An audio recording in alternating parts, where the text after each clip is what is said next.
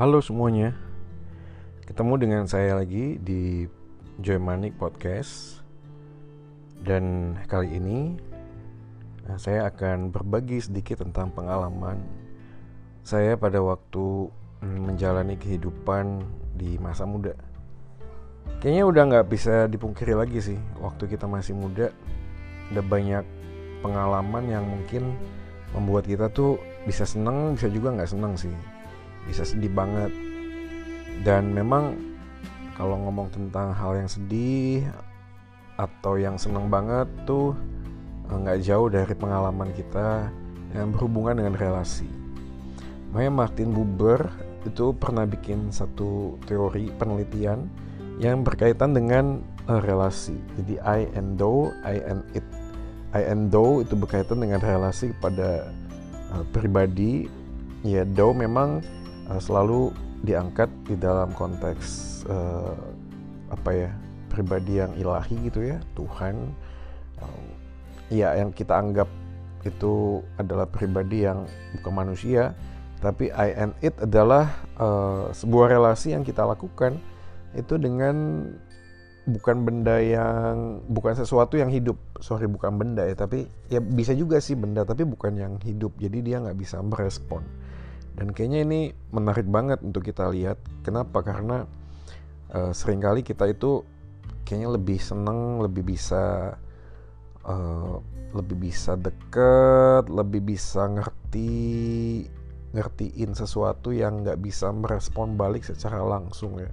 I mean like gadget, like games, like uh, ya sesuatu deh hobi mungkin ya yang kita rasa kalau gue berelasi dengan dengan benda-benda yang seperti ini itu jarang banget sih ngecewain. Tapi waktu kita ngomong tentang relasi dengan dengan makhluk hidup, dengan Tuhan, selalu dampaknya tuh kadang bisa nggak enak, bisa enak.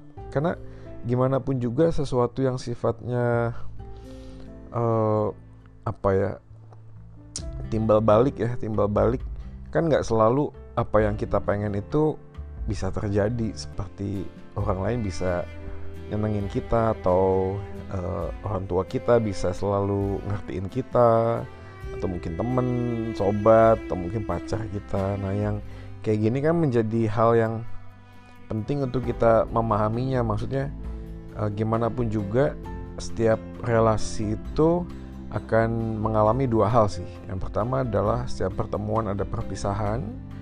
Ya katakanlah berpisah ya paling jelek itu meninggal gitu atau misalnya perpisahan yang sifatnya uh, berantem atau nggak cocok atau uh, jadi mantan dan lain sebagainya atau yang kedua adalah relasi yang sifatnya itu bukan hanya pertemuan perpisahan tapi juga membangun atau tidak membangun konstruktif atau destruktif. Nah guys kali ini gue pengen ngebagiin tentang hal-hal uh, yang kaitan dengan relasi. Maksudnya apa sih kunci dari relasi yang baik sehingga pada waktu kita ini berelasi dengan orang tua, dengan teman, dengan pacar, uh, walaupun itu menjadi sesuatu yang mungkin bisa menyedihkan ya, mengecewakan, tapi paling tidak itu kayak konstruktif gitu loh. Konstruktif tuh dia semakin membangun kita menjadi lebih baik atau ya lebih baik deh lebih baik. Kita lebih bisa mengambil hikmahnya ketimbang sesuatu yang kita bisa jalani dengan happy dengan seneng. Tapi ya gitu aja sih. Maksudnya ya monoton ya. Kan gini uh, happiness tuh kan paradoks ya. Paradoks tuh uh, sesuatu yang terlihat bertentangan. Semakin kita pengen bahagia semakin kita nggak dapetin itu bahagia. Semakin kita pengen sesuatu di dalam hidup begitu kita udah dapetin kita pikir kita bakal bahagia kalau kita udah dapetin eh malah udah dapet kita nggak cuma gitu doang tau nggak sih? Kayak cuma kelewat doang gitu loh.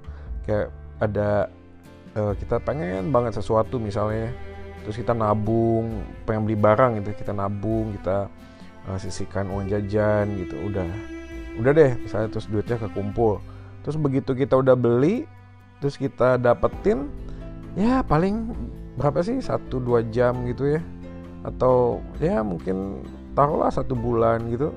Kita nikmatin. Habis itu ya udah gitu aja gitu loh. Kayak nggak ada nggak ada sesuatu. Terus kita ngejar sesuatu yang lain. Kan hidup manusia kan gitu ya. Dari satu tempat ke tempat yang lain tuh mencoba untuk mendapatkan kebahagiaan dengan mencari atau mendapatkan sesuatu yang kita pengenin. Begitu kita dapat eh taunya itu udah kayak kayak udah nggak ada gitu loh kayak uap air ya begitu kelihatan wus terus udah gitu hilang Nah, sebaliknya waktu kita dapetin sebuah relasi yang mungkin bisa ngeselin, bisa ngecewain, tuh bisa bikin kita tuh jadi lebih baik sih. Bisa kayak uh, kayak nemuin ya. Kayak hidup gue kayak better gitu loh, ada ada nilai, ada value lain tentang hidup yang akhirnya kita dapetin gitu loh. Misalnya, contohnya misalnya, kita menjadi lebih sabar ketika kita dapat dapat teman, dapat pacar, dapat ortu yang kadang-kadang ngeselin. Terus kita belajar kita belajar untuk kayak nahan diri terus kayak coba belajar untuk lebih ngertiin orang lain tau gak sih? Makanya orang yang ngeselin tuh bukan untuk dibenci tapi untuk dicintai tapi dengan cara yang beda gitu loh. Maksudnya uh, orang nyebelin tuh pasti akan ada aja sih sekeliling kita men pasti ada aja. Dan kita tuh nggak mungkin bisa pergi dari dunia yang tanpa ada orang yang bisa ngeselin kita sih kan nggak mungkin sih. Kita pasti akan nemuin orang-orang kayak gitu.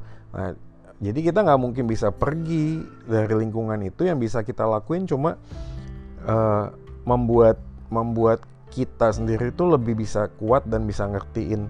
Apalagi dengan ortu kan misalnya kan kadang-kadang cerewet ngomonginnya banyak. Terus kita uh, rasanya pengen minggat dari rumah tapi minggat juga nggak akan bisa nyelesain masalah sih ya. Minggat ya malah menambah masalah nggak akan nyelesain juga. Dan kita tahu sih maksudnya ya somehow kan emang kita pasti akan pergi dari rumah tapi kan selalu ada kayak persiapan apa dan apa yang kita mau tuju juga kan harus jelas. Cuma gagal masalah terus kita minggat juga akan nyelesain masalah bro. Ya, malah nambahin beban kita gitu loh. Nah Kembali ke relasi yang bisa membangun, yang konstruktif itu, kita membutuhkan beberapa hal sih supaya kita bisa melihat bahwa setiap relasi yang saling membangun, walaupun dengan kekecewaan, walaupun dengan uh, pengkhianatan, uh nggak enak nih pengkhianatan ya. Ayo siapa yang pernah dikhianati angkat tangan. itu nggak enak banget sih misalnya terus konflik dan lain sebagainya itu uh, bisa bikin kita menjadi pribadi yang lebih baik kalau kita menemukan eh, kunci-kunci uh, tentang gimana kita bisa memahami uh, relasi itu sendiri. Ya lu nggak akan pernah bisa bertumbuh dalam sebuah relasi kalau lu nggak ngerti makna atau tujuan dari relasi itu dan dari mana relasi itu datang. Oke, ini pendahuluan tentang relasi. Jadi kita udah belajar paling nggak ya singkat banget sih ini nggak sampai 10 menit. Tapi paling nggak kita bisa memahami gini setiap orang tuh pasti berelasi dan relasi kita tuh nggak mungkin dengan sesuatu benda yang mati karena benda yang mati nggak akan pernah bisa membuat kita tuh saling bertumbuh. Nah kita berrelasi dengan pribadi yang hidup, tidak hanya dengan Tuhan tapi sesama. Tapi bagaimanapun juga relasi dengan pribadi yang hidup pasti membuat kita bisa kecewa. Ya jadi relasi dengan dengan uh, pribadi yang hidup yang betul-betul bisa ngasih feedback itu akan berpotensi untuk kita tuh uh, konstruktif atau destruktif bisa membangun atau sebaliknya kita bisa saling ngancurin satu dengan yang lain. Makanya ada beberapa anak pemuda juga yang susah banget move on, susah banget uh, cari pacar baru mungkin ya. Susah banget untuk bisa mem memulai sebuah relasi yang baru tuh karena bayang-bayang masa lalu kita dengan pasangan, dengan teman yang membuat kita tuh kayak trauma. Ya, ada beberapa orang sih yang pernah gue temuin atau mungkin gue juga sih pernah ngalamin gitu ya. Jadi rasanya takut banget sih memulai sebuah relasi apalagi kalau udah ada uh, cowok atau cewek yang deketin kita gitu. Terus udah mulai kelihatan mau PDKT waktu kelihatan mau PDKT terus kita udah langsung jaga jarak kita takut banget. Padahal uh, dalam bagian lain dari hati kita tuh kita memang membutuhkan orang lain sih membutuhkan seseorang.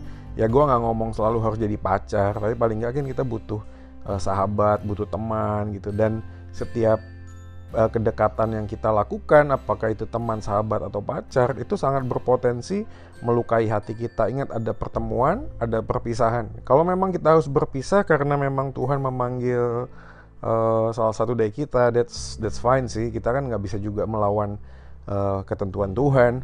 tapi kalau berpisahnya itu nggak enak kan ini wah kacau ya maksudnya kita harus deletein semua foto semua nomor WA semua kontak semua memori kita berharap gini berharap dengan menghapus semua eh, hal-hal uh, yang berkaitan dengan orang tersebut terus kita bisa move on. Enggak sih nggak akan mungkin bisa move on sih kita. Karena gimana pun juga program di dalam otak kita dan hati kita tuh harus dibenahi. Kalau enggak semua hal yang kita pernah lalui sesuatu yang menyedihkan itu akan kita bawa terus sih. Dan itu nggak enaknya kalau kita nanti udah berkeluarga lalu kemudian kita malah jadi orang yang berpotensi nyakitin orang lain karena kita pernah menjadi korban disakiti oke okay guys uh, segitu dulu mungkin nanti bisa di kayak buat reflection pribadi buat kita nanti gue bakal lanjutin karena ini ada Deon sama Kalista udah mulai datang di kamar dan kita nggak bisa lagi eh, ngomong-ngomong. Uh, Nanti gue lanjutin ya. Oke, okay, goodbye guys. Bye -bye. Goodbye. Bye bye.